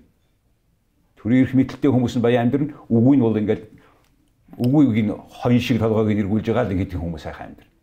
Эсвэл солонгос явж ажил тий. Тийм л болно. А нөгөө тийм газрын баялаг. Газрын баялагийг хэн бүтээсэн юм? Улс төрийн нам бүтээсэн юм уу? Төр бүтээсэн юм уу? Байгаль өөрөө бүтээсэн. Байгаль өөрөө бүтээсэн юм бол та бид нар ч гэсэн бид байгалыг хийсэн. Энэ байгалийн баялагийг чи бид нар яг адилхан хэрэгтэйг идэх хэрэгтэй. Тэр яга хэдэн хүн идлээд байгаа. Окей. Өөрөө энийг хийгээд байгалийн баялагийг олборлоод ашиглаад ашиг аав. Яг л энийг та хийсэн. Гэхдээ ихэнх нь бидэрт ирэх ёстой шүү дээ. Тэр нь хааваа. Том том татварууд ирэх ёстой тий. Тий. Өөр өөр хэлбэр ирэх ёстой шүү. Ингиж байгалийн баялаг ашиглах ёстой. Улаанбаатарын газар. Яг гарын үсэг зураад ердөөсөө нэг хүн уулын ямыг нэг байшин барихыг 30 мянган доллараар зараад байгаа. Хиний газрыг хэн зараад байгаа юм? Ийм асуултанд хариулж чадахгүй энийг ярихаар улс төржлөөгээд тэгээд энэ хүмүүсийн хитгэн ийм залтай хүмүүсийг ингээд даган дахиад өөрсдөө ядуу амьдарч байгаа хиний хог хий. Тийм учраас энийг бид нар чи яриад биш энийг өөрчлөё гэд. Аль улс төрийн нам чи орт ямар ч хамаа авахгүй тэр улс төрийн нам гэж байгаа юм чи ил тодол байх хэрэгтэй шүү. Бүгднгээс нь шаарддаг. Яагаад тэнд очисон хүмүүс нь тэр бүмтэн болоод идэг энд ажиллаж байгаа хүн ямар чансгүй болоод байгаа юм бэ? Яагаад энэ хүмүүс өвчин болоод өгөхөд байгаа юм бэ? Ягараа эмдэг болохоор тэр хүмүүст гадагшаага явчихдаг. Энэ хүмүүс нь эндээ ямар нөхцөлд байгаад байгаа юм бэ? Энэ асуудлыг ярьж юм шийдэн шүү. Энийг чи ярихын тулд одоо чи би одоо өнөөдөр ингээд энэ асуултыг яг би сэтгэлээ ярьж байгаа учраас одоо би бол emotional байгаа yes. Гэтэ би энийг сууж байгаа бичиж байгаа байхгүй. Одоо өнөөдөр бол одоо ганцхан ийм өөрийгөө илэрхийлэх боломж надад гарч ийн л дээ. Бараг бүх 500 ярилцсны дараа. Тий. Тий 800 ярилцах хийсэн байна. Ва 500-аад нь монгол хэл дээр 200-аад нь англи бусд нь орсдоор хийсэн байна. Тэгээд одоо 600-аад нийтлэл бичиж байна оны хэлүүд. Чухал тий. Тэгээ энэ бүхний үр дүнд ийм амьд дүрсэн контентын архив архив бий болж байгаа байхгүй. Тэгээ энэ бол одоо би хувь хүний хувьд бусдыгаа сайхан амьдруулахад оролцуулж байгаа хувь нэмрээ гэж боддог. Тэхийн тулд би заавал өөрөө ерөнхийлөгч ч юм уу намын дарах ч юм уу байхад бүгш. Яг л надад энэ эрх чөлөөг чинь та бүхэн түрүү ярьсан ардчилж өгчлээ шин. Тийм ээ. Идрээс подкастын өнөөдрийн спонсороор Beko брэнд ажиллаж байна. Beko брэнд маш олон төрлийн цахилгаан бараг үйлдвэрлэлийг та бүхэн мэднэ.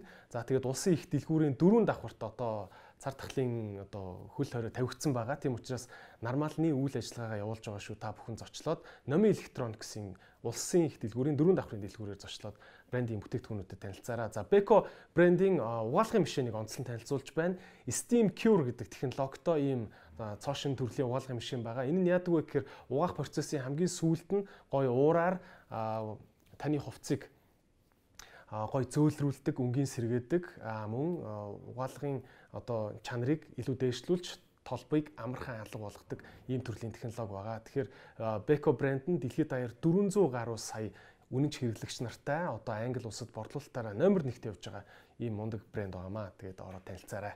Нэмж хэлэхэд Steam Cure гэдэг энэхүү технологи нь англи улсын харшлын эсрэг нийгэмлэгээс баталгаажсан ийм технологи байгаа юм байна. Мөн ням бактерийг 99% устгагдгаараа онцлогтой. Идрээс подкастын спонсор Цэник бүтээгдэхүүнийг танилцуулж байна. Monos хувьцаат компани Vitos брендийн бүтээгдэхүүн байгаа. Тэгээд ангаах ухааны супер ургамлуудын нэг уламжлалт хунчир гэдэг энэ ургамлыг иймхүү гоё дэвшлэлт бүтээгдэхүүн болгосон байгаамаа. Тэгээд инновац шингэсэн энэ бүтээгдэхүүн нь та өдөр тутамдаа ууж болно, хүүтэн бүлээсгээд ууж болно. А мөн эмчийн заавраар 30 хоногоор курс болгоод ууж болно. За хунчир гэдэг энэ ургамал нь яадаг вэ гэхээр хүнийг эсийн төвшөнд бодисын солилцоог маш сайн хурцсагдаг а ингэснээрээ хүний дархлаа сайжирдаг, ирч хүчтэй болдог, ядаргаа тайлагддаг ийм бүтээгдэхүүн байгаа. Та бүхэн ингээд аваад явхад хялбархан ингэж савлсан цэник бүтээгдэхүүнийг өдөр тутамдаа хэрэгжилж байгаарай. Идрээс подкастын дэмжигч Lotus Tan рестораныг та бүхэн танилцуулж байна. Хүүхдийн ордны яг чанх арт байдаг өндөр цагаан Central Park гэдэг цамхгийн 5 6 давхурт байдаг. Маш олон гоё тоглог олон төрлийн хэмжээтэй VIP өрөөнүүдтэй том заалтай а хятад хоол гардаг, хотбот гардаг ийм гоё ресторан байгаа. Тэгээд хоол нь маш амттай. Тэгээд өнөөдрийн нэвтрүүлэгт маань ийм гоё VIP өрөөгөө бид бүхэнд Lotus Tan ресторан гаргаж өгсөн байгаа. Баярлалаа. Жаргал ахт нэрээ Энэ манай нэвтрүүлгийн спонсор Beko брэндээс танд өнөөдөр бороотой өдөр таарж байна. За баярлалаа. Зодог хөвжил. Хотоос гараа явал за хэрэг болтоо баярлалаа. За. Хэрэг болт юм аа нэг иймэрхүү бэлгэний юмнууд чи тий. За за. За Beko брэнд. За. За. Аа. За одоо нэг юм юм байна. Окей за сонгуул болно. Мэдээж сонгуулийн штабууд би энэ рүүгээ дайрдаг.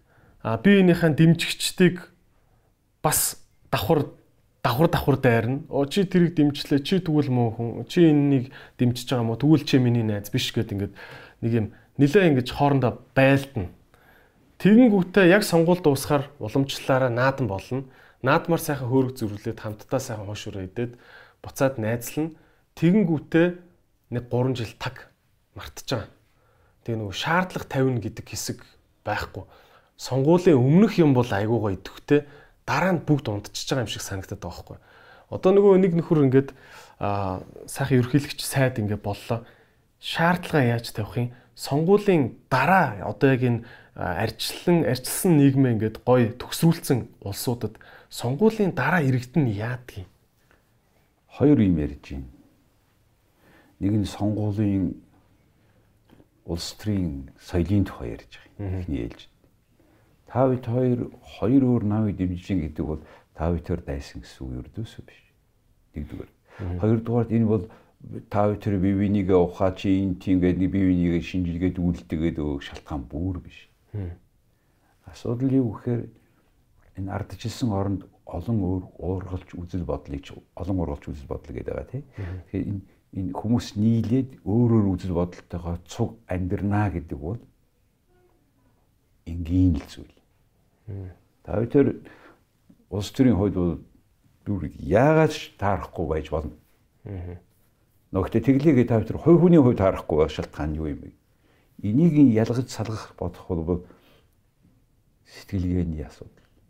Аль зэрэг гэгэрсэн хүн бэ гэдэг асуудал. Интеллект гэж ярьдаг тийм. Интеллектуальны хүн бол энийг зүгээр л зөвшөөр. А зүгээр хүнийг одоо чи хүн юм байна гэдэг ингээд айраад ин гэдэг бол тэрийг дараа өөртөө ойлгох байлгүй зүгээр энэ нэгдүгээр асуудал ярьж байгаа. Үүнээс ардчилсан орны эрхчлөлтөй хүний хувьд бол а энэ хүний би дэмжиж байна. Энэ хүний эсрэг биш. Энэ хүний тухай юу ч яриагүй. Аа тэгээ энэ хоёр хүний хооронд бол үзэл бодлын системийн аргачлалын өрсөлдөөн явагдаж байгаа. That's normal. Бүх туузын хурал дээр бүх хурлууд дээр яг ийм юм явж байгаа л зөв шийдвэр нь гардаг. Ийм хоёр янзын юм байгаа. За эцэст нь болохоор зэрэг ардчлал гэдэг бол зөвхөн сонгуулийн өдөр э, хэрэгжүүлдэг сонгох сонгогдох эрх биш байхгүй. Бид нар энэ өдрийг хашгирч хашгирчаа дараа нь таны хэлсэн чимээг бодоод олон жил явж байгаа байхгүй. Тэгэхээр ардчлал хизээ энэ бол зөвхөн уулздаг point байхгүй цэг нь ард сонгуул гэдэг бол. А сонгуулийн хооронд хяндаг цэг нь байхгүй. Ани хянах яаж хянахаа мэдэхгүй учраас та хоёр түрүү одоо энэ залуугийн жишээн дээр яаж хянах вэ гэдгийг ярьлаа шүү. Тийм учраас сонгох сонгогдох хэрэг хянах хэрэг энэ бол ардчилсан нийгмийн заавал байх ёстой. Энэ дэр би нөгөө Дэмин гэдэг ийм Дэмингээ удирдлагын их том гүрүү мэрэгжилтэн хүн. Япон улсын эзэн хааны алтан гац одонг авсан анхны гадаадын хүн.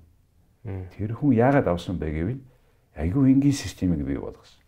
Им тойрог зураад дөрөв хуваагаад төлөвл гүйцэтгэв хян зас. Planning, acting, checking, uh, юу monitoring and checking гэж. Засна гэсэн үг тийм. Тэгэхээр Монголын ер нь бид нар ийм үйл ажиллагаанд төр засагч бай, хувь хүнч бид энэ дөрвөлнгээр нь явахгүй байх. Бид цикл явж байхгүй юм. Тий, тэгжээж үрдэн хүрдэг байхгүй. Төлөвлөлтөө хийчихэж байгаа. Мууч бай сайн ч. За нь гүйцэтгэд мууч бай сайн ч юм хийчихэж байгаа. Тэгээ яг юу болоогүй гэдэг анализ өгөхгүй байна. Тэгээд засахгүй байна бүр. Яг анализ хийгээгүй мэж. Тэгэхээр төр засгийн газарт хийгдэг. Чив. Төсвөө хийн гэж бөө юм болж байгаа. Оо зодон болно шүү дээ. Төсөв байгуулж байна. Яг баталчлаа. Яг гүйцэтгэцэн гэж ярьд. Жилийн курсын дараа тэгсэн жилийн өнгөрч байгаа юм чинь. Энийг яг яаж гүйцэтгсэн бэ гэдэг хяналтыг төр засаг биш. Төр засагаас хөндлөнгийн төрийн бус байгууллагууд хийх хэрэгтэй байхгүй энэ хяналтыг хэлэх. Төрийн аудит нэртэй төрийн төшмөлийг том хилдэг нэг газар л байна. Тэгээ яг тэ хүнээсээ хамаараа тэр зарим нь сайн муу янз бүр ажилдаг. Гэтэ төрийг төр нь өөрөө хянж болохгүй байхгүй. Хөндлөнгөөс хянах хэрэгтэй шүү. Хөндлөнгийн хянагч Ernest Young ажиллаж байна гэж тэгдэг үстэй. Тэр шиг л байх хэрэгтэй үстэй тий. Бодвол Тэгээ санхүү дээр бол яг Ernest Young энэ төргээд гаргаад иж болно. Тий. Санхүүгийн бос их олон асуудал байна. Тий. Жишээлбэл тэр яг хитэр үнэлсэн. Тодорхой төслийг хитэр үнэлсэн. Жишээлбэл одоо ингээд айгүй том жишээлбэл одоо Монгол банк 4 жилийн өмнө гэрээгээ хийхдээ 5 жилийн дараа энэ мөнгийг өгөхдөө аль ханшаар хийх вэ гэгээл тэр ярнаас ян гаргаж ирэх. Тохирцол юм чинь. Үйлс асуудал шүү. А гэтэл 5 жилийн өмнө хуучин ханшаар нь тооцоод шинэ үед хийчихэж байгаа байхгүй жишээ. Гэх мэтэр энэ зүгээр энэ бол энэ мөсөн уулын зүгээр жижигхэн нэг ороо гэж би ярьж шин. Тийм ээ. Ягаад гэвэл бид хяналтгүйгээр хичнээн мөнгө төгрөгөө завшуулж байгаагаа мэдэхгүй. За авилга авсан. Үе нэг сенсац болол өнгөрн те. Тэр тэр үйлдвэрийн захирал алтан ширээ авч тэр тэр үйлдвэрийн захирал нь онгоцоор хориулаа зугаалчаа гэл нэг юм Үе үе сенсацны л маягтай хяналтууд байна тийм учраас тэр нөгөө нэг хоорондох хяналт гэдэг нь Монголд байхгүй байхгүй. Бидний саад болж байгаа хамгийн том зүйл чинь энэ байхгүй. Энд иргэдийг оролцуулахгүй байна. Жишээлбэл жишээлбэл төсвийг хяндаг төрийн бус байгууллага гэж байж болно шүү. Тэгээ тэрүүгээр хянуулах хэрэгтэй байна. Бид нар тэрний тайланг илүү сонирхох хэрэгтэй байхгүй. Энийг хийлэхгүй байна. Ягаад гэвэл чинь хяналтгүй жишээлбэл энэ зөндөө олон авилга авсан хүмүүс байна Тэгээд тэдний чинь нэг нэг жил юм уу, хоёр жил юм уу, гурван жил гэж шийдгээл дараа нь нөгөө өршөөгөөл ингээл тэгэл алга болчихж шин шалга болчихж чинь тий. Тэр мөнгө хайц. Саакашвили Грузинд ерөнхийлөгч боломгцоо авилга авсан бүх баядсан хүмүүсийг дуудаж ирээд нэг нэгээр. За та ийм ийм ийм мөнгө та улсаас хохируулсан байна. Энэ мөнгийг буцааж өг буцааж өгөхгүй бол би таныг баривчлан хөрөнгөний чин хураан шоронд хий и та таны дараагүй хэдэж босч ирэхгүй. Аа. Энийг мөнгө авчираад өгч Тэгээ болоо тантай юм ярихгүй. Тэр нэг шинээр эхлэе гэсэн юм шүү дээ. Маш их мөнгө суулсан. Амар авилгатай орноос тэг тэр мөнгөөр яасан гэж би бүр диблис ач үзсэн. Аа хууль зүйн яамаа. Цагдаагийн газраа. Цагдаагийн постуудаа бүгдээрингийн шилэн байшингаар барьсан. Шилээр. Гаднаас нь юу хийж харагдахаар хийсэн байгаа байхгүй. Тэгээ төрийн зөндөө олон асуудыг шийдсэн. Шударгын ёсонд тэр мөнгийг оруулсан. А манай энэ хүмүүс ичний улсын мөнгө алдлаа, банкны мөнгө алдлаа гэж хаана байгаа тэр мөнгө тэр тэр нэг улгайчид 3 5 жил их ерөн хинд ямар надад халуунч хүүтэнч биш. Мөнгө л авмаар биш. Аа. Мөнгө буцаж аваа тэрийг буцаад би хүүхдүүдэд энэ жорлонгоо солимоор биш. Аа. Монголын хүүхд болгон өглөө ашлахын хоол идэж босох ёстой ш. 6-аас хүртлээр ямар хоол идсэн байна, хангалттай калори авч чадсан үгүй юу гэдгээс цаашаага өрсөлдөх чадвар нь хамаардаг хүүхдийн. Өнөөдөр 3 хүний чинь нэг нь ядуу байгаа, 5 хүүхдийн нэг нь ядуу байгаа. Тэр хүүхдүүд өглөөний савыг л ядаж. Ийм асуудал тавигдах хэрэгтэй. Энийг ойлгох хэрэгтэй. Ийм юм болохгүй байгаа учраас л тэгэл миний сэдв бичих юм уу сэдв юм мундахгүй шүү дээ. Өнөөдөр би ярьж байгаа учраас ингээд эмоционально ярьж байгаа. Би бичээ сууч бас. Тийм ээ. Одоо ингээд за хуучны бичлэгүүд ч харагдчихэдэг ингээл мажоритар систем, пропорционал систем яасан ийм систем намын жагсаалтаар хүн оруулж ирнэ гэдэг нь сонгуулийн хууль байн байн өөрчлөгддөг. Тэгээд тэрийг хүмүүс одоо бүр ингээд одоо хаана юунч болж байгаа гэдэг ингээд юугаа алгачлаа л та нэг юм баримжаагаа алдчихлаа гэж би хараад байгаа байхгүй. Одоо өнөөдрийн одоо дараагийн сонгуул ямар мажоритор ямар систем болохыг мэдэхгүй те. А та ер нь нэг ингээд одоо хүн төрөлхтний сонгуул явуулсан бүх түүхийг ингээд ойрхоноос хяндаг хүний харж яадаг хүний хувьд хамгийн одоо сонгуулийн системийн талаар хүмүүс ийм ийм юм зүйлийг ойлгоод авчаач одоо тэр тэ ингэж алдсан тэн тэгж алдсан байт юм аа ингээд энэ эдэг л ойлгоод авчих гэмээр мэдлэг өгчгүй л үгчлэх үү тэгэхээр одоо улс гэдэг нэг тодорхой хүн амын тав шүү дээ 3 сая 10 сая хийж байсан тийм. Тэр хүмүүсийг яг ижил тэгшгэн хуваарьтайгаар 200 мянган хүний дунд л одоо нэг төлөөлөгч байна гэж тогтооё л да тийм ээ. Тэгэхээр чи пропорционалын хаваачж байгаа байхгүй. Аа. За ингээ хаваачхаар зэрэг чинь аа за за 200 мянган хүн тутмал нэг төлөөлөгч байгаа гэдэг. Нэг төлөөлөгч байхгүй 200 мянган хүн төлөөлөг үлдчихэж шүү дээ тийм. Тийм энийг чинь төлөөлөл ингээд байгаа юм. Аа. Пропорционалны хуваарлж шүү дээ хүн ам. Дараа нь мажоритар гэдэг маань нөгөө ерөнхийдөө чивэл нам дээр ярих юм бол бүр орон даяар аль намд нь нөх вэ гэж асууж байгаа. Тэр намаас нь нөгөө хүний тоогоо харах хоёр янзаар үзэх гээд байна шүү. Тэгээ энэ хоёрыг нийлүүлээд энэ холимог систем гэж яриад байгаа байхгүй юу? Аа за. Тийм тэгэхээр энэ арай шудраг юм шиг харагдаж байгаа нэг талаас улс төрийн намууд нь төлөөлөл нь бас хідэн хүн дэмжиж чинь гэдгээс. Яг тэгээд пропорционал нь бас зөв юм шиг харагдаж байгаа. Чивэл 50 60 мянган хүнээс их хурлын гишүүн сонгогдож байгаа нэг аймагаас. Тий. А гэтэл 300 мянган хүнтэй орёноос одоо нэг ч юм уу хоёр хүн сонгогдож байгаа. Тий. Нэг нь 150 мянган хүнээр сонгогдож орж ирж байна. Тэгэхээр чи пропорционал биш үү? Тийм ээ. Тий. Тэгэхээр энэ бүхнийг ингээд аль нэгээр нь хийхэд их хэцүү болчиход байгаа байхгүй. Нөгөөх нь сонгуулийнхаа систем хөдөө хот юу вэ? А нөгөөх нь нөгөө намаараа ярихаар зөв юу нам гэж юу вэ? Яг тэр нөгөө нэг мөнгө төгрөг нь хаанаас нь мэдэгдэхгүй ч одоо нам мөн үү биш үү гэдэг асуулт гарах гэдэг шүү. Бид нар нэрлээ тамга тавьчаад тамгаа өгчөөд тамгаа аваад тэд цухтаад байгаа болох. Нам гэдэг байгаа болохоос биш. Жинхэнэ улс төрийн нам гэж юу вэ? Тэр нам нь өөрөө аль зэрэг ил тод юм бэ? Эсвэл хаантай юм уу? Бүхний шийддэг, эсвэл мөнгөтэй шийддэг. Тэгээ энэ хоёрын комбинацийг яг төдөөс төдөн хөвтэй байж энэ орн илүү гэсэн юм гаргахад хэцүү юм байл. Жишээлбэл Америк тэр электорат коллеж гэдэг штат дотроо байж байгаад электорат коллеж нь илүү тав байж байгаа бусд нь ямар ч хамаагүй болгочоод тэргээд энэ тэр чигээр ялчаад шүү дээ. Тэгэхээр энэ бүхнийг энэ улс төр судлаачид энийг хүмүүст илүү ойлгомжтой өгмөр байгаа. Гэхдээ нэг л юм тодорхой. За. Аа пропорционал гэдэг агуулга заавал байх ёстой. Ойролцоо пропорционал. Тийм учраас нөгөө том жижиг тойрог болгоод байгаа чинь тэр л дээ. Тий. Тэгэхээр энийг бид нар ингээд за яг Монголд энэ таарна гэдэг өнөөдөр томьёо тавьчихад хэцүү, тамаа барчхад хэцүү. Тэгэхдээ холимог байх зарчим нь илүү зөвөө. Гэтэ шаардлага нь улс төрийн нам нь улс төрийн нам шиг л байх хэрэгтэй. Тэгэхээр улс төрийн нам гэдэг бол нийгэм засаг хоёрыг юм холбосон гүүрнэ байна. Тийм байгаа. Яг энэ гүүрээ чи гараад энэ төрөг ирэхийг барьж шít. Тэгээд эднэрт үүсэх хэрэгтэй шít. Гэтэл нөгөө улс төрийн нам маань эргээд эднэртэй биш. Бис мөнгө өгсөн хүнд үйлчилж эхэлж байгаа. Тэгээ эний чинь нөгөө Чехийн эрдэмтэн демократура гэд нэрлэдэг байгаа. Democracy и диктатура хоёр нийлбэр байгаа. Гарахтаа демократик гарч ирчээд дараа нь мөнгөтэй хүмүүсийн диктатор тогтоож байгаа байхгүй. Тэд нар үйлчлэл хийж байгаа. Тэгээ эний чинь бас нөгөө хин Асан Сүчи дүрсгсэн ардчил гэж ярьж шүү дээ. Гэтэ энэ чиглэл рүү бид явж байгаа. Энэ чиглэл рүү бид тохируулаад өөрчлөөд яваад байгаа.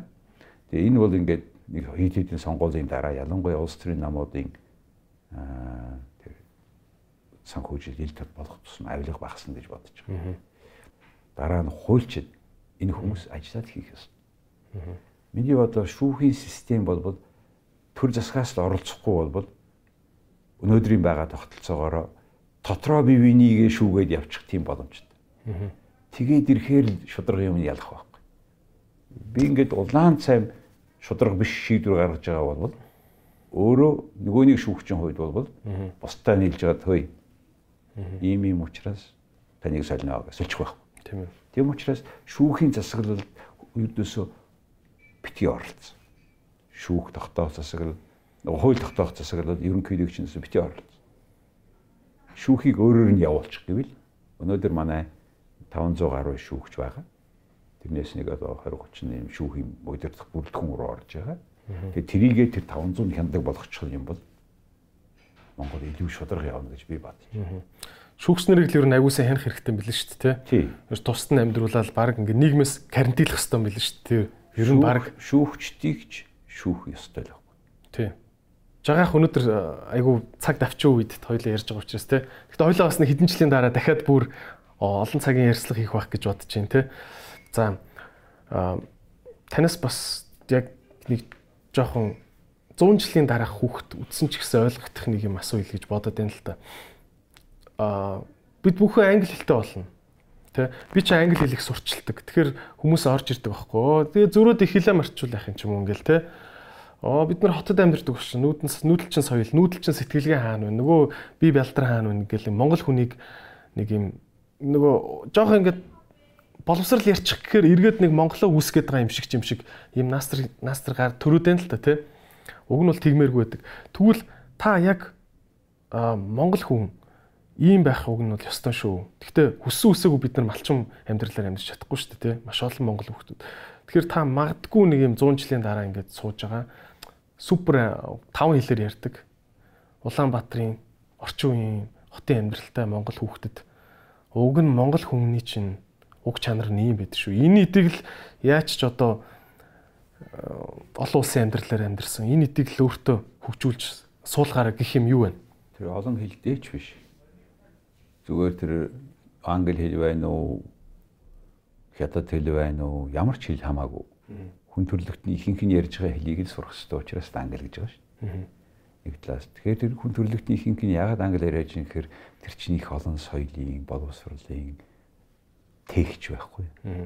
Хэл гэдэг нь зөвхөн зөв юм харилцдаг юм тооны машин биш байхгүй. Хэл гэдэг бол соёлын тэгч гэдгээрээ англи хэл сайн мэдсэн хүмүүс хүн төрлөختний англи англи хэлтэй бий болсон түүх соёл төрийн харилцаа энийг ойлгох гээд алхам болж байгаа. Буюу тэр хүн хоёр дахин хүн болж байгаа. Нэг хүнд хоёр хүн яваад ирлээ ш. Тийм. Тийм учраас а тех тусмаа чи үнэхээр дэлхийг илүү ойлгох тусмаа хүн өөрийгөө илүү ойлгохыг, их орноо ойлгохыг илүү хүсдэг. Тийм учраас логикоор гадаад хэл сурна гэдэг чинь өөрийн хэлийг мартна гэсэн үг биш юм бэл. Харин ч өөрийн үгээ соёлоо баяжуулах, тэрийг гоё илэрхийлэх, бусдаа хуваалцах алтан боломж гарч байгаа юм. Нөгөөх нь хэл сураад, ном сураад хүн боловсралтай, мэдлэгтэй болох тусмаа хүнийг илүү хайрлах хэрэгтэй өөр сонголт байхгүй. Яг хүмүүсийн харилцаа бие бинийгээ хайрлаж хүндэлжил нэгдэж явдаг болохоос Би бинийг үзий ядаад ингээд байх юм бол данил гарна шүү. Хуваагддаг, ялгагддаг, салгагддаг байхгүй. А хүн ийм бие бинийг айлгаж, бие бинийг хайрлаж ойлгох тусмаа хүмүүс нэгддэг. Тэгэхээр тийм нэгдэх процесс илүү явагдана гэж харж байна. 100 жилийн дараа одоо ингээд 100 жилийн өмнөхийг би саяхан 100 жил нийтлэл бичлээ л дээ. Тэгэл одоо тэр бодоо, данзан тэр нэг 7 8 залуучуудыг чинь ингээд алчиж штт. Аа. Хөөх юу бодож өнгөрсөн бол доо гэж. Одоо миний насанд өөрөө ирэхгүй бодож байгаа байхгүй тэр залууч. Тэгэхээр тэд нар чинь улс чинь ингэж хөгжих ёстой ш. Тэгээ янз бүрээр ингээд баяжсан Оросыг яддаг дагаа Америк солонгосыг дагаа ингээд байлдчихсэн ба ш хоорондоо. Аа ухаан бодлоо оролдуулж исэн байна. Тэгээ энэ бүхэн одоо жишээлбэл одоо энэ Оросын коммунистуудад таалагдаагүй учраас нэг хоёроор будцсан байгаа байхгүй шүүх мөвч гэхгүйгээр. Өнөөдөр бид та бидний яриад өнөөдрийн Монгол улсад 100 жилийн дараа сууж байна. Бид нар бол дэлхийн 200 хэдэн хүмүүсийн нэг мундаг нэг сайхан л төлөөлнө гэж бодож байна Монгол улс. Одоос 100 жилийн дараа өнөөдрийнхөө нүүн цэнийг түүний дотор хувийн өмчтөр суурилсан чөлөө зах зээл үгээ хэлэх хэрэг чөлөө сонго сонгогдох хэрэг чөлөө дараагийн бүхэн чинь нөгөө хуулийн засаглаар ингээд бид явчих юм бол ер нь одоогоос нэг 20 30 жилийн дараа л энэ улс оронд хүмүүс баяр монголчууд мундаг баян хүмүүс бол гадна талаас нь харах. Дотроо ч гэсэн яагаад хэл сураад эхлэхээр дотороо дотрооч сэтгэл нь тайван. Ер нь бол ийм амар амгалан сайхан амьдралтай хүмүүс бие биенийг очиж өвч олсон биш очиж оролдоод зодод байх шаардлага байхгүй шүү дээ. Хуваацал зодтолдох юм дагуулна гэж бодож байна бид нэгдэж илүү үндэс нь бий болно.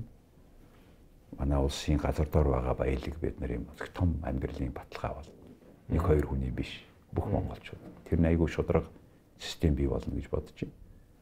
Тэгээ ийм нөхцөл байдалд Монгол руу хүмүүс амьдрий гэж маш их бүр одоо одоо 40 40 жилийн дараа ч юм уу Монгол руу амьдрий гэж хүмүүс дэлхийд даяар зүтгэх одоо энэ нөгөө Африкчин тэр чигээрээ Европ руу ирж штэ тий тийм байдал гарчих үе гэж би бодож байна. Түүнээс цагаачтай урсгал Монгол руу ирнэ тий.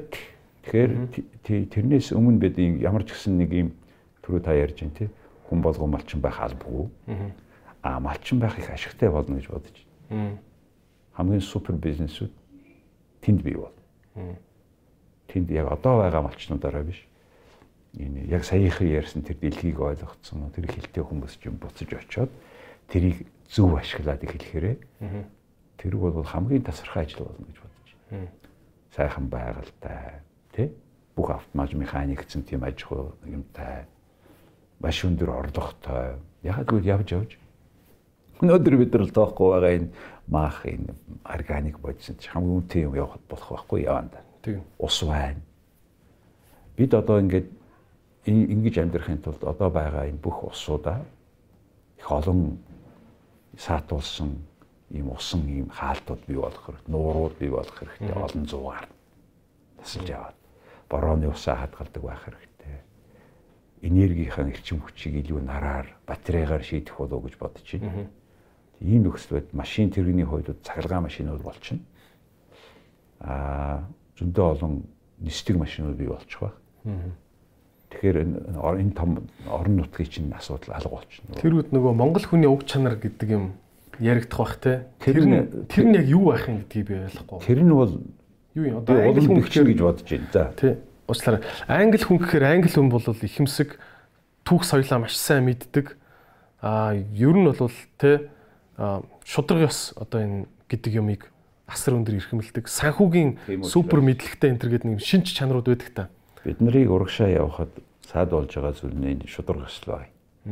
Энийгээ тогтоосны дараа хүн болгон сайхан амьдрах боломж гармагц. Бид бол ямар ч Англи Америк хүнээс тутахгүй яг адилхан юм хэрэгэлдэг. Айгуу том түүхтэй. Тэрийг илүү ойлгоцсон.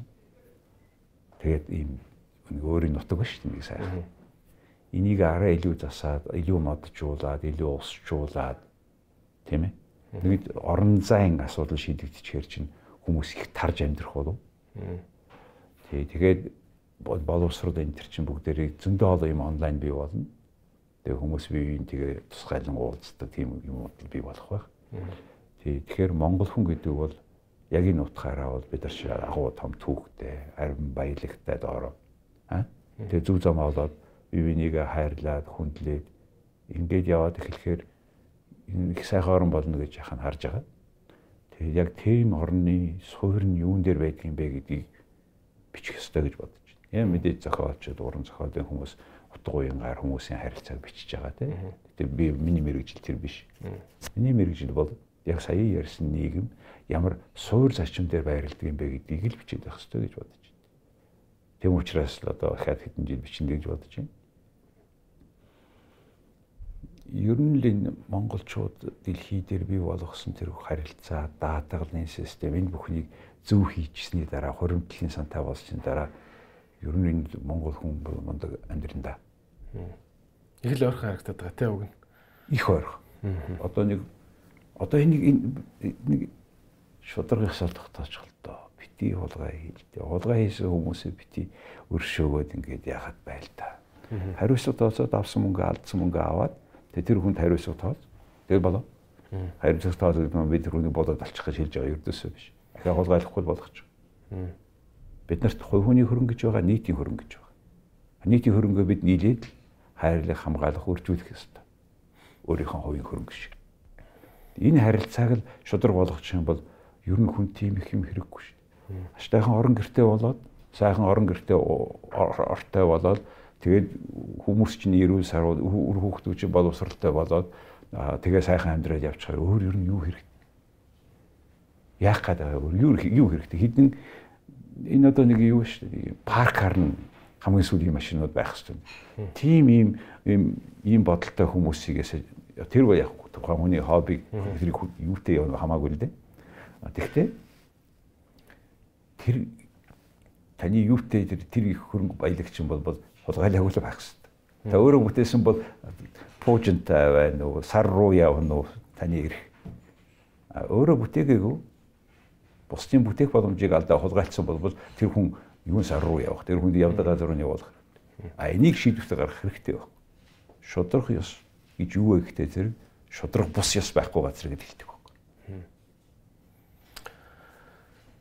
За баярлалаа. Тэгээд жаргал дефакто ах тий маш гоё ингээд таны яриг ингээд сонсоол амир байла. Гэхдээ одоо тэгээд таны яг завгүй бас үер өрөөд таарчлаа тий. Ах нэг одоо ингээд би одоо ингээд чамайг сургууль төгсөөд ирээд ингээд хийж байгаа комеди гэдэг ингээд ярьж байна. Комедийн ертөнцид тийм өөр соёл бий болголоо. Тэрийг би нөгөө англи хэл 20 настай сурахдаа нэг юм ойлгосон өөрөө өөрийгөө шоолж сур. Өгөөгөл чамайг өөр хүн шоолно гэдгийг энэ Английн gentleman-ы rule гэж ярьдаг тийм ээ. Тийм учраас Англи өөрийгөө шоолоод байгаа хүнийг илүү үнэлдэг. Чи тэр мэдж байгаа Америкт бас тийм. Тэгэхээр энийг хүнийг биш өөрийгөө шоолсон юм дээр чи шин соёл нэвтрүүлсэн учраас хахан тэр нэг талархаж байна. За хоёрдугаар нэг чинь энэ англи хэлийг энэ ертөнцийг ойлгосны хувьд яг ийм ярианууд гаргаад яг танаа үеийн танаа үзэл бодлоор илэрхийлж байгаа нь яг одоо энэ одоо манай миний хүүхдүүдийн та нар энэ үед зүв нөлөө нарны гэр шиг нөлөө туяа болж байгаа байхгүй. Тэгэхээр энийг үе үеийнхэн хийх ёстой. Тэрний дараагийн үеийн гараал дээр тийм. Энэ маягаар л явж байгаа учраас энэ улс орн чинь сайхан ирээдүйтэй гэж ахын дотроо боддог. Тийм учраас keep doing what you do Тэгээд хоёлаа чиний хийс дахиад уулзнаа. Би ер нь бас чамайг ярилцахтаа өрий гэж бодож байгаа шүү. Окей. За харилцаа ярьсан.